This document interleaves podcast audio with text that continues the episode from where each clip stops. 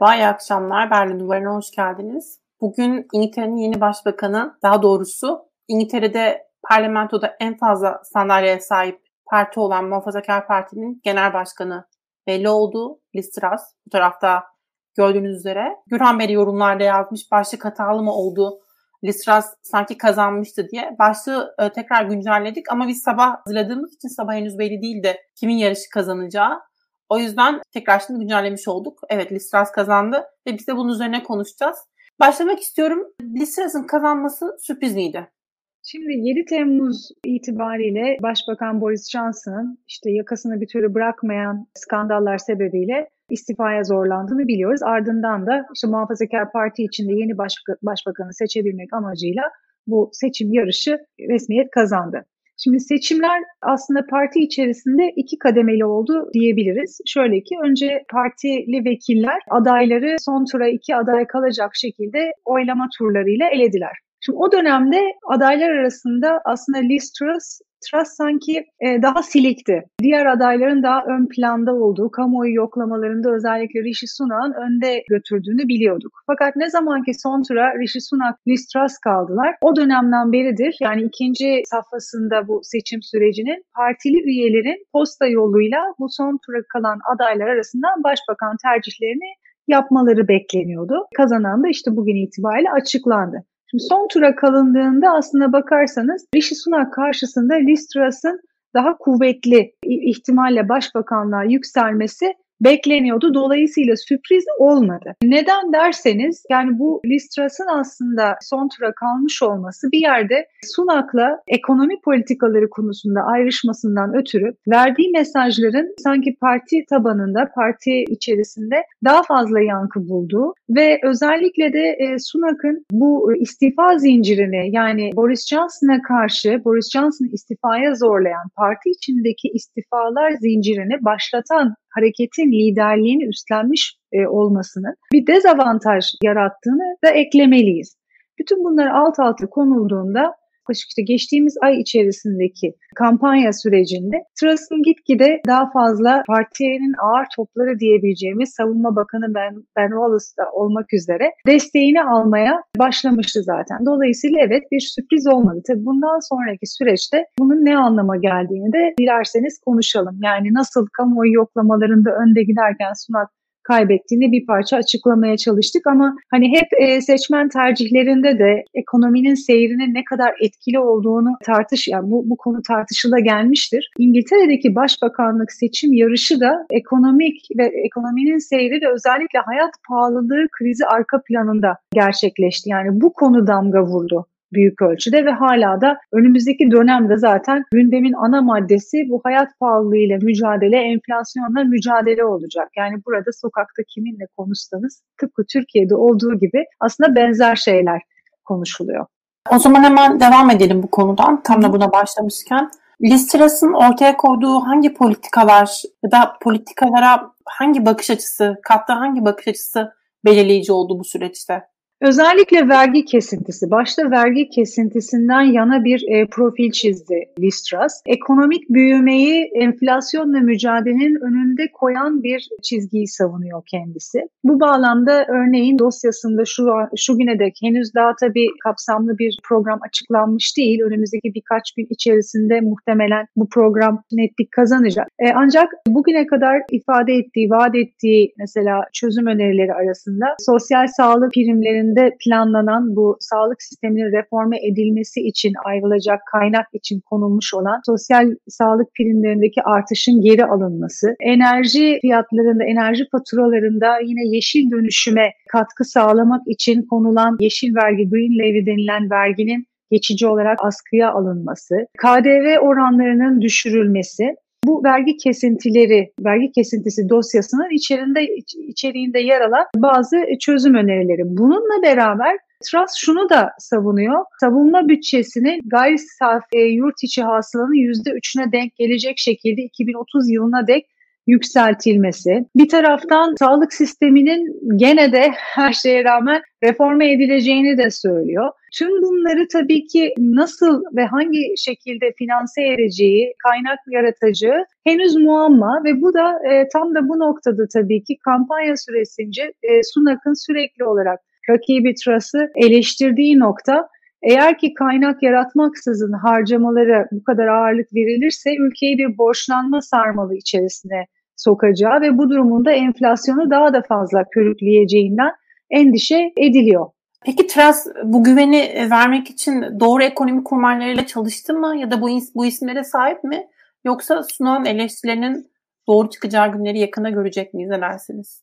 Şimdi Kwasi e, Kwarteng'i Maliye Bakanı yapacağı e, söyleniyor büyük ihtimalle. Kendisinden danışmanlık alıyordu. Tabii şimdi kulağa hoş gelen politikalar muhafazakar partinin çizgisiyle örtüşen bir ekonomi çizgisi vaat ediyor Truss ve şu tabii önemli. Bir yerde zaten Johnson hükümeti döneminde Johnson'ın birazcık da bastırmasıyla bu sosyal sağlık primlerinin arttırılması Sunak'a da çok iyi bir ün kazandırmadı. Yani Sunak da bu konuda eleştiriliyordu. Ve şu da bir gerçek ki önümüzdeki dönem hakikaten enerji faturalarına Rusya'nın Ukrayna'yı işgali fena halde yansıyacak. Bu e, ekonomik olumsuz koşullarla, bu işgalin yarattığı ekonomik koşullarla mücadele etmeye çalışıyor İngiltere. Her ne kadar Rusya'nın enerji kaynaklarına ihtiyacı, enerji bağımlılığı olmasa dahi çünkü mesela doğal gaz kullanımı Rusya'dan aldığı %4'lük gibi çok sınırlı bir düzeyde. Ancak piyasadaki dalgalanmalardan haliyle İngiltere de etkileniyor. E bir taraftan zaten Brexit'in yaratmış olduğu olumsuz ekonomik koşullar var. E Covid pandemisinden çıkıldı ve hala bir takım olumsuzluklar devam ediyor. İngiltere'de e, pek çok kurumun altyapısının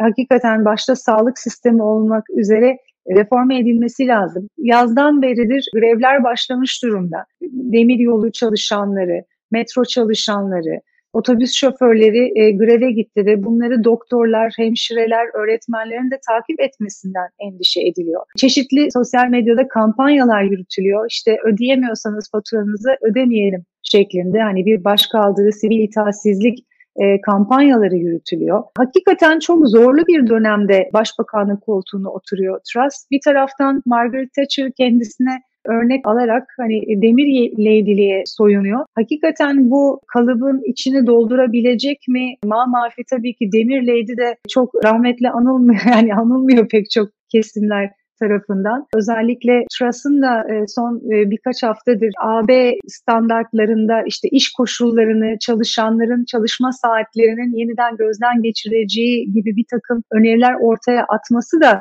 tüyler ürperten cinsten. Hani sanki bir paralı köleliğe mi dönüşecek Avrupa Birliği ile uyum da ortadan kalktığı, eşgüdüm ortadan kalktığı kalkması durumunda. Hani bunlar da endişe verici bir takım gelişmeler. Bir taraftan tabii şu da tartışılıyor. Truss'ın önermiş olduğu politikalar e, özellikle vergi kesintileri düşük gelirli kesimlerin yarasına merhem olmayacak. Daha çok işverenleri ve yüksek gelirlileri kollayacak, kayıracak politikalar olacağı tartışma konusu ve eleştiri konusu. Mesela işte enerji faturalarının dondurulacağını söylüyordu e, yakın zamana kadar. Şimdi bakalım bu e, politikalar tam e, bir program açıklanınca nereye oturtulacağını göreceğiz hepimiz. Ancak bu dahi yani geçen yıl Mart'tan itibaren insanlar faturalarını ödemekte zorlanıyordu.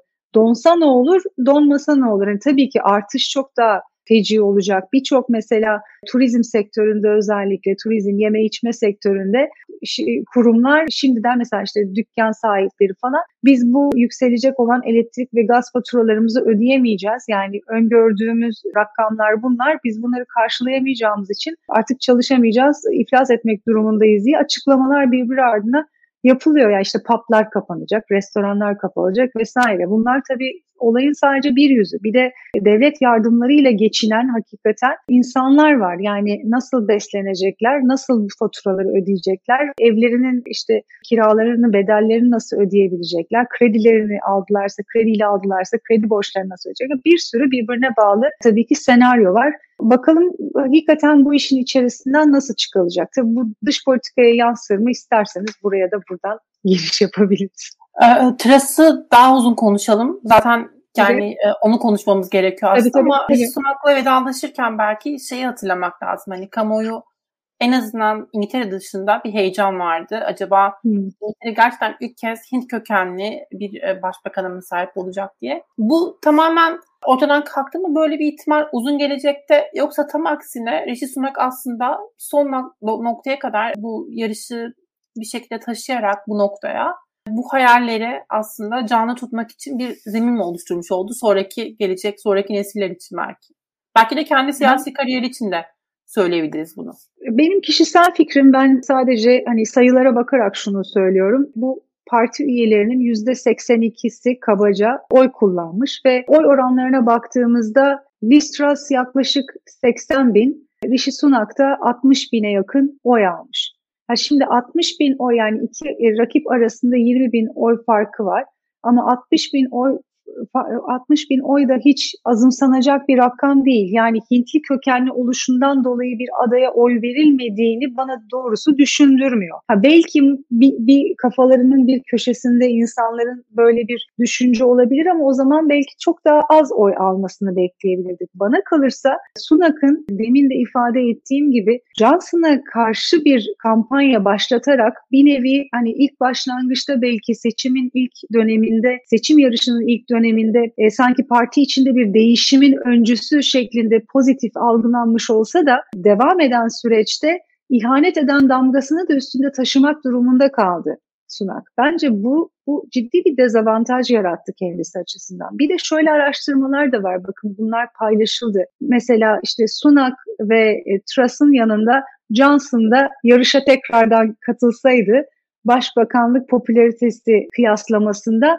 diğer iki adayı geride bırakabileceğini gösteren kamuoyu araştırmaları var. Yani muhafazakar parti içinde bütün zaaflarına rağmen parti değerleriyle çelişen e, lider profiline rağmen Johnson'cı bir damar olduğunu hala bu damarın kuvvetli olduğunu da söylememiz mümkün. Ee, yani böyle olunca da ben sadece kimlik temelli açıklamaları doğrusu çok tatmin edici bulmuyorum. Biraz da yüzeysel buluyorum. Olayın gerisinde hakikaten partinin kendisini gene 2024 sonu itibariyle seçimlerde iktidarda tutacak lideri seçmeye çalıştığı e, penceresinden bakmamız gerekiyor.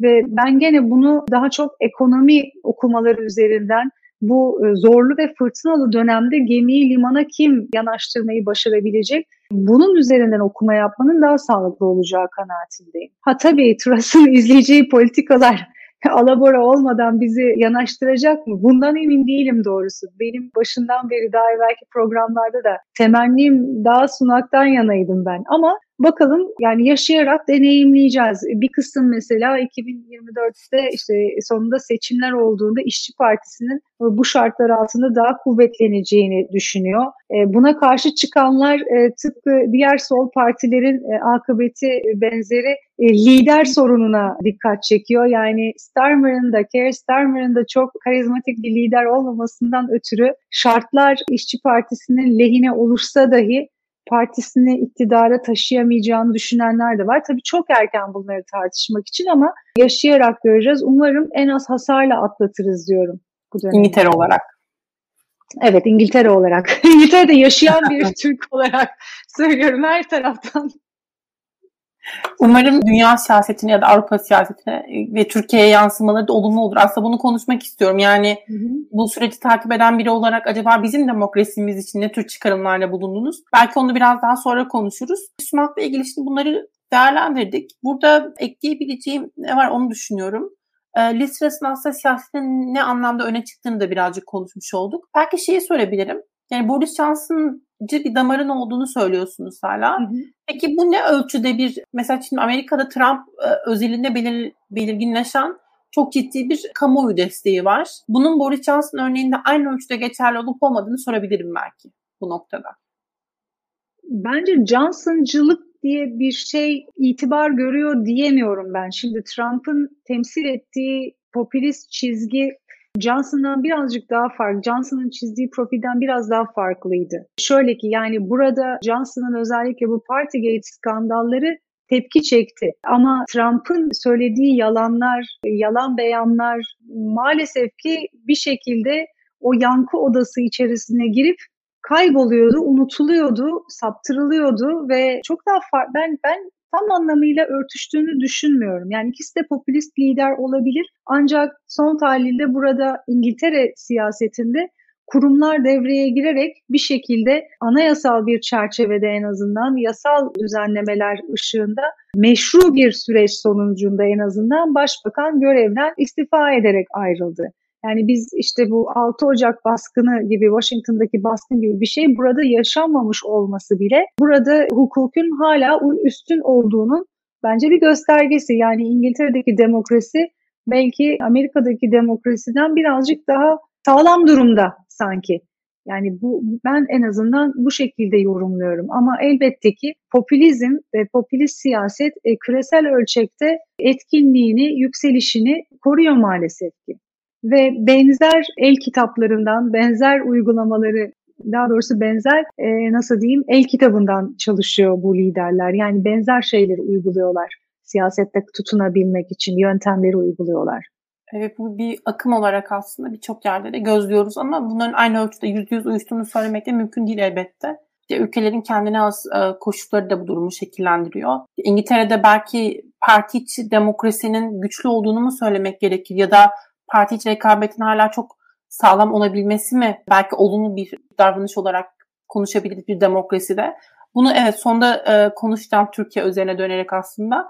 Ama şimdi bir de şunu düşünün çok özür dilerim şimdi aklıma geldiği için özellikle TV tartışmalarında mesela adaylara soruldu sorulmuştu. Johnson'ı kabin Johnson'a kabinenizde yer verir misiniz? Yani bakanlık görevi verir misiniz diye ve tamam e, kampanya sırasında söylenilenlerle iktidara gelindiğinde uygulamalar değişebilir. Ancak en azından kamuoyunca kitlelerce izlendiklerini düşündükleri bir tartışma programında adayların hiçbiri Johnson'a kabinesinde yer vermeyeceğini açık ve net söyledi. Yani kendileriyle Johnson arasında bir mesafe koyabildiler. Yani bu da aslında Trump ve Cumhuriyetçi Parti arasındaki ilişkiden daha farklı bir e, dinamiğin şu anda yaşandığını gösteriyor. Düşündürüyor en azından bana. Biraz göçmen politikalarına dönmek istiyorum. İşte İngiltere'nin özellikle Ruanda'ya sığınmacıları geri yollaması ile ilgili plan Avrupa İnsan Hakları Mahkemesi'nden dönmüştü. İngiltere'de e, adaylardan bir tanesi Avrupa İnsan Hakları Sözleşmesi'nden çıkmayı bile gündeme getirdi. Ben bunu çok korkunç buluyorum aslında altını çizmek istiyorum. Bu ne kadar korkunç ve ne kadar berbat bir tartışma yaratma ihtimalinin olduğu ile ilgili. Liz Truss'ın buna, bu anlamda belirginleşen bir söylemi yok belki ama özellikle bu göçmen politikaları anlamında e, ne tür yansımaları olacak ve belki biraz daha eğer soruyu ilerletirsek Avrupa Birliği ilişkileri ne tür yansımaları olur Truss'ın başbakanlığı döneminin? Yani zaten Dışişleri Bakanlığı pozisyonundayken yürütmüş olduğu çizgiyi aynen devam ettirecektir. E, İngiltere yasa dışı göçü var gücüyle önlemeye çalışıyor. Bu konuda Fransa ile sürekli olarak bir suçu birbirine atma yarışı içerisindeler. İngiltere açısından Fransa üzerine düşen görevi yerine getirmiyor ve sınır kontrollerini yapmadığı için yasa dışı göçmenler işte teknelere binerek Manş Denizi'nden İngiltere'ye ulaşabiliyor. Fransa'ya göre de e, İngiltere'nin nasıl gereken bazı üstlenmesi gereken sorumluluklar var ve üstlenmiyor. E, Truss'ın kampanyası sırasında bir e, talihsiz ifadesi olmuştu. E, işte bu Ruanda'ya gönderemediğimiz göçmenleri Türkiye'ye gönderebiliriz diye. Bu epey tepki çekmişti tabii ki. Yani göçmen meselesinin e, bir siyasi koz, bir bir kar güden bir proje şeklinde çerçevelendirilmesi tabii ki çok üzücü ve Türkiye'nin sanki böyle bir göçmen alıcı ülke toplandığı bir yermiş gibi algılanması da çok üzücüydü. Ama sonra tabii ki bu bir şekilde düzeltildi. Muhtemelen bunun üzerine gidilmeyecek diye tahmin ediyorum. Ama Avrupa Birliği ile İngiltere ilişkileri Truss'ın başbakanlığı döneminde nasıl seyreder derseniz e, bu konuda e, en önemli nasıl diyeyim mayın mayın tarlasında patlamaya hazır bombalardan bir tanesi Kuzey İrlanda protokolü olacaktır. Çünkü bunun bir deadline'ı var. Yani bu konuda karar verilmesi gereken bir tarih var. Bildiğiniz gibi geçtiğimiz Mayıs ayında Kuzey İrlanda'da seçimlerde İran'ın siyasi kanadı çok büyük bir e, siyasi seçim e, zaferi kazanmıştı. Ancak seçim yetkisi uyarınca Demokratik Birlik Partisi, İngiltere yanlısı Demokratik Birlik Partisi ile Sinn Féin'in birleşerek ortak bir hükümet kurmaları gerekiyordu. Fakat Demokratik Birlik Partisi İngiltere'nin Kuzey İrlanda protokolünü protokolünden çekilmediği takdirde bu hükümeti kurmayacağını açıklayarak siyasi süreci kilitlemişti. Şimdi e, İngiltere'nin tabii ki Avrupa Avrupa Birliği'nin ayrılırken yapmış olduğu anlaşmaya bağlı bu Kuzey İrlanda protokolüden çekilmesi tek taraflı olarak İngiltere'nin e, uluslararası e, arenada güvenilirliğini epey erozyona uğratacak ülke olarak prestijine gölge düşürecek. Bir yandan e, geçtiğimiz e, yaz Temmuz ayında yanılmıyorsam e, bu protokolden çekilmek üzere bir yasa tasarısı hazırlandı ve Lordlar Kamerası'nda ikinci defa tartışılacak, e, görüşülecek düzeye geldi. Yani Avam Kamerası'na iki defa gitti. Dolayısıyla bu bir yerde demokrasinin kılıcı gibi bir taraftan sallanıyor. Turus başa geldikten sonra hatta gelmeden evvel yani Turus'un başbakanlığı başbakanlığa yükseleceği anlaşılması yani böyle netleşmesine yakın Avrupa Birliği'nden de bu yönde açıklamalar geldi. Yani e, İngiltere'nin bu konuda atacağı tek taraflı adımların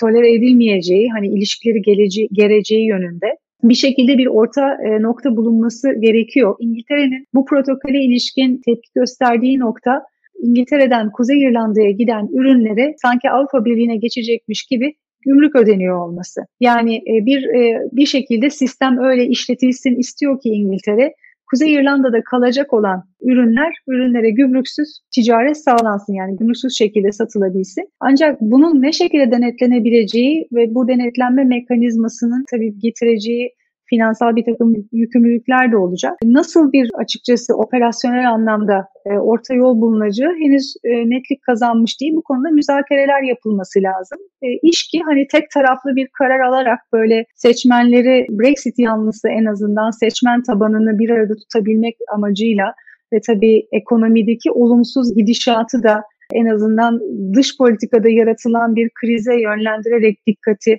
hani böyle bir konunun kullanılmamasını e, umut ediyor kamuoyunda en azından bu konu tartışılıyor. Biz de bunu umut ediyoruz. Çünkü zaten ticari ticarette ciddi aksaklıklar yaratmış durumda Brexit. E, Avrupa Birliği'nin bu konuda ticareti daha da akamete uğratacak bir takım tedbirler alması veya işte yaptırımlar uygulaması e, İngiltere'yi tabii ki daha da zora sokacak. Çünkü Avrupa Birliği hala hazırda İngiltere'nin en büyük ticari partneri. Bu, bunu değiştiremiyoruz.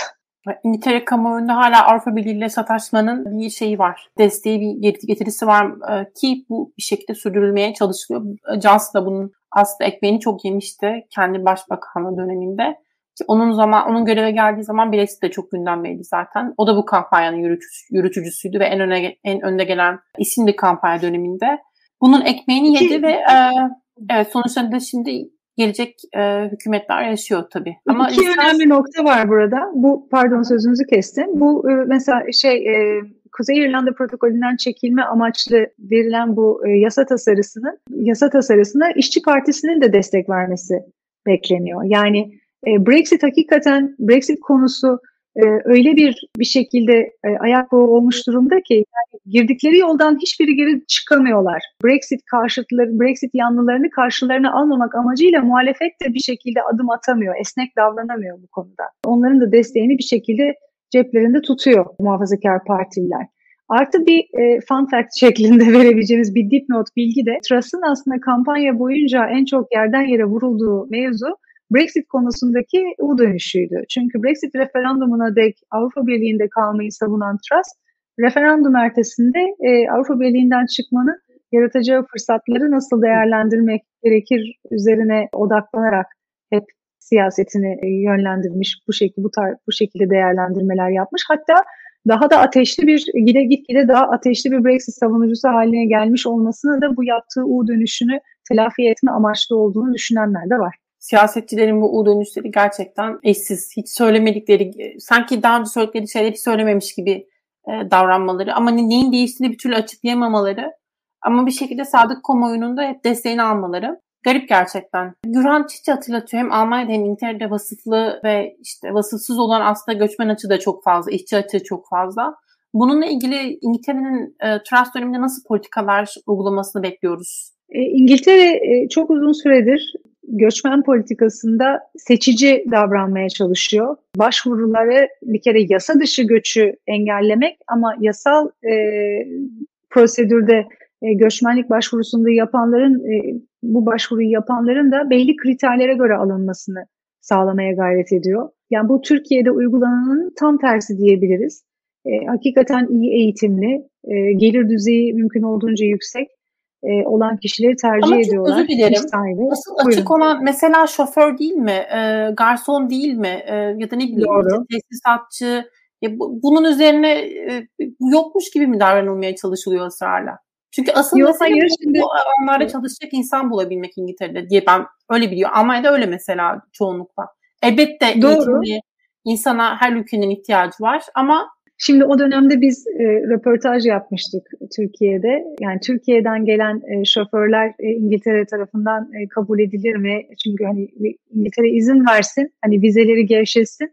E, şoföre boğarız şeklinde bir açıklama yapmıştı röportaj yaptığım kişi. Şimdi hakikaten arka plandaki güvenlik yani tercihlerini daha çok Avrupa Birliği ülkelerinden gelecek olan göçmenlere ayırıyorlar. Yani o tercihlerini onlardan yana kullanıyorlar.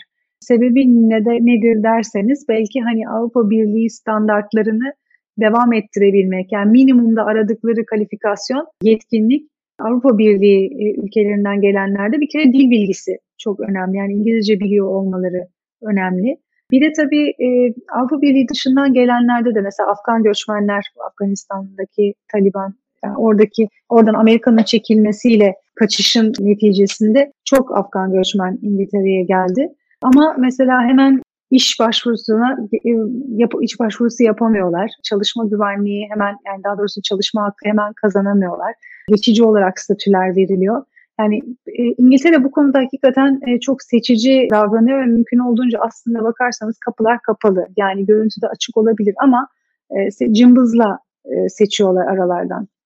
Yani çok da bir değişim ben Truss döneminde zaten beklemiyorum dediğim gibi yani Dışişleri Bakanlığı döneminde neyse aynen Başbakanlık döneminde de giderek artacak. Hele bu zorlaşan ekonomik koşullarda artık ekmeğini kimseyle paylaşmak istemeyecektir insanlar. Ama bu işçi açı arttıkça bunun ekonomideki etkileri bilmiyorum. İngiltere'de ne kadar ne ölçüde hissedilecek. Almanya için çok ciddi olduğu için durum İngiltere'nin aynı ölçüde bu durumla mücadele etmek kabiliyetinin olup olmadığını bilmiyorum. O yüzden çok yorum yapamayacağım ama belki hani orada vurgulamak istediğiniz nokta varsa alabilirim belki yine. İngiltere, İngiltere'deki şoför açığının sebeplerinden bir tanesi yalnızca Brexit sonrası İngiltere'den e, Avrupa'ya geri dönen şoförler değil. Aslına bakarsanız Bunda etkenlerden bir tanesi de e, Covid döneminde özellikle e, bu şoförlük sertifikası için, ehliyeti için e, gerekli sınavların e, yeteri kadar e, açılamamış olması, bu sınavların gözetme, bu sınavlarda gözetmenlik yapacak kişilerin istihdam edilememiş olması, bu süreçlerin sarkması. Yani ehliyet almak hakikaten normal araba kullanmak için bile ehliyet süreci çok meşakkatli kamyon şoförlüğü için gereken e, ehliyet sınavları ise çok daha uzun soluklu. Dolayısıyla yani böyle bir bürokratik sürecin sarkması durumu da aslında bakarsanız etkili olmuştu İngiltere'deki şoför açığında. Ve tabii ki yani bir şekilde bunu telafi etmeye gayret ediyorlar. Belki ilerleyen dönemde gene göreceğiz. Ama şunu da unutmayalım yani iş değiştiren de çok insan olacaktır bu ekonomik koşullarda. Tabii yani kamyon şoförlüğünü tercih ederler mi bilmiyoruz. Çok çok zor dönemler. Ama bir de Covid döneminde özellikle bu seyahat kısıtlamaları ve karantinalar dolayısıyla insanlar tercih etmiyorlardı İngiltere'ye gidip gelmeyi. Avrupa içinde şoförlük yapmayı, tır şoförlüğü yapmayı daha çok tercih ettiklerine dair de ben yorumlar almıştım röportaj yaptığım e, insanlardan. E, çünkü e, yani işte o dönem İngiltere'nin en azından koymuş olduğu seyahat kısıtlamaları sebebiyle e, haftalar bazen aylara çıkabilecek şekilde ailelerini gidip göremiyorlardı. Bundan dolayı da pek tercih etmiyor etmediklerini en azından ifade etmişlerdi. Benim hatırladığım kadarıyla tekrardan geri dönüp bakmakta fayda var tabii. Sona doğru yaklaşırken aslında şimdi Türkiye ile ilişkilerde keskin bir dönüş olup olmayacağını merak ediyorum. Tahmin ettiğim cevap hayır olmayacak ama Hı. bilmiyorum eklemek istedikleriniz var mı bu noktada? Ya şöyle e, aslına bakarsanız e, Liz Truss'ın başbakanlığı Johnson döneminin e, büyük ölçüde devamı olacak. E, bunda sadece e, parantez içine bir eksi yapıp e, skandalları ve ahlaki açıdan çizmiş olduğu profili çıkartalım içinden ama izlemiş olduğu dış politika çizgisi mesela işte e, Ukrayna'nın işgali sebebiyle Rusya'ya yönelik izlenen dış politikanın devamı olsun, sert dış politika çizgisinin devamı olsun. E, Amerika ile ilişkilerde mümkün olduğunca sıcak ve yakın eşgüdüm ve uyum içerisinde bir e, müttefik profili çizilmesi olsun. Avrupa ile ilişkilerde inişli çıkışlı e, sürecin hepsinin devam edeceğini söylemek mümkün. Bu demin bahsetmiş olduğum Kuzey İrlanda protokolünün Avrupa Birliği ile ilişkileri germesi İngiltere'nin de e, Biden yönetimiyle özellikle ilişkilerinde pürüzlere yol açacaktır. Türkiye-İngiltere ilişkilerine gelirsek ise evet bir şeyin değişeceğini doğrusu öngörmüyorum. Türkiye-İngiltere ilişkileri zaten kurumsal bir zeminde ilerlemeye devam ediyor. Özellikle Türkiye'nin e, gerek Avrupalı müttefikleriyle gerekse Amerika ile ilişkilerinin e, sorunlu olduğu bir dönem olduğunu kabul edersek İngiltere ile e, ilişkiler bu e, arka planda e, pırıl pırıl parlıyor diyebiliriz. Yani nispeten çok daha olumlu bir seyir izliyor. İngiltere Türkiye'nin ihracat fazlası verdiği ticaret ortaklarından bir tanesi.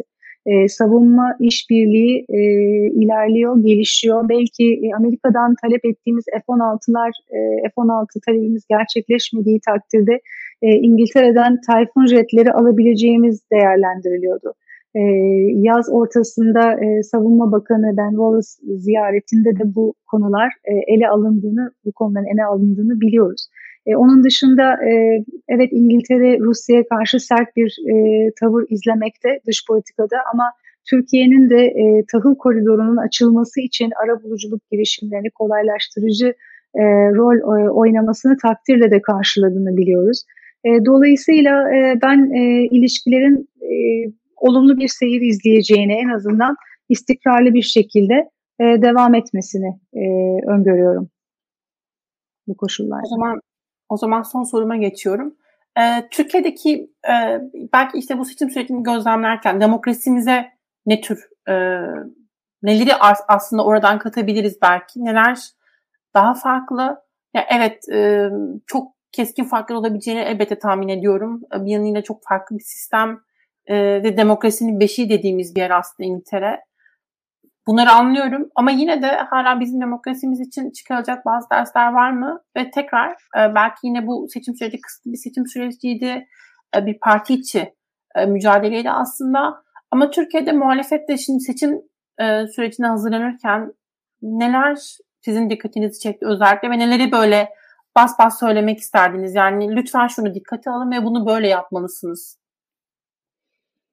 Türkiye'nin demokrasisi hiçbir zaman e, yüzde yüz hani Türkiye demokratikleşmiş ülkeler sınıfına giremedi. Ama demokratikleşmekte olan ülkeler kategorisindeydi uzun yıllar. Son 10-20 senede Türkiye'nin bu listeden de geriye düştüğünü gözlemlemekteyiz esefle. Tabii demokrasiyi özellikle sadece sandığa, sandıkta oy vermeyi indirgemek başta başlı başına sorunlu bir durum oy verilmesi, verilen oyların güvenliğinin sağlanması kadar seçim süreçlerinin de katılımcı bir e, şekilde yapılıyor oluşu, rakiplerin e, eşit koşullarda e, bu yarışta varlık gösterebiliyor oluşları, ifade özgürlüğü, düşünce özgürlüğü, hepsi çok önemli bir ülkenin ne kadar demokratik olup olmadığını değerlendirmek açısından.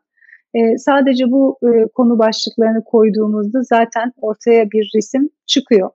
Benim e, ya bugüne kadar parti içi demokrasi konusunda da çok iyi sınav vermediğimiz ortada. Yani e, Türkiye'deki siyasi partiler içerisinde lider söyler, liderin seçtiği de seçilir gibi bir durum söz konusu. Hala e, birçok e, platformumuz var. Kadın e, adayların yükselebilmesi ve seçilebilecekleri e, yerlerden aday gösterilebilmesi için e, pek çok meslektaşım bu konuda yoğun çaba sarf ediyor.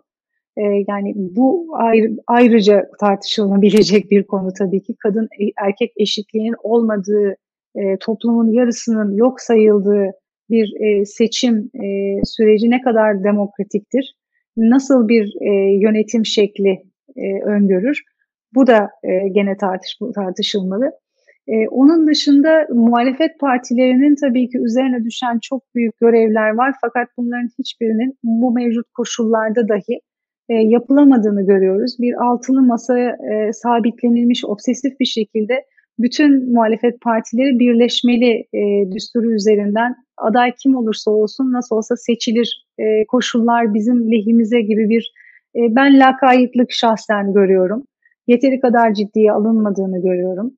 E, halbuki e, gerek iç kamuoyunun gerekse dış yani uluslararası kamuoyunun izlenecek politikalar bu muhalefet partilerinin gerek 6, gerek 4, gerek 3 artık kaç tanesi ortak bir zeminde buluşabiliyorsa hakikaten açık, net yani böyle ete süte dokunmadan değil neyse rengini belli ederek ortaya çıkıp bir ilke ve bir politikalar bütünü, bir program açıklayabilmesi gerektiği kanaatindeyim.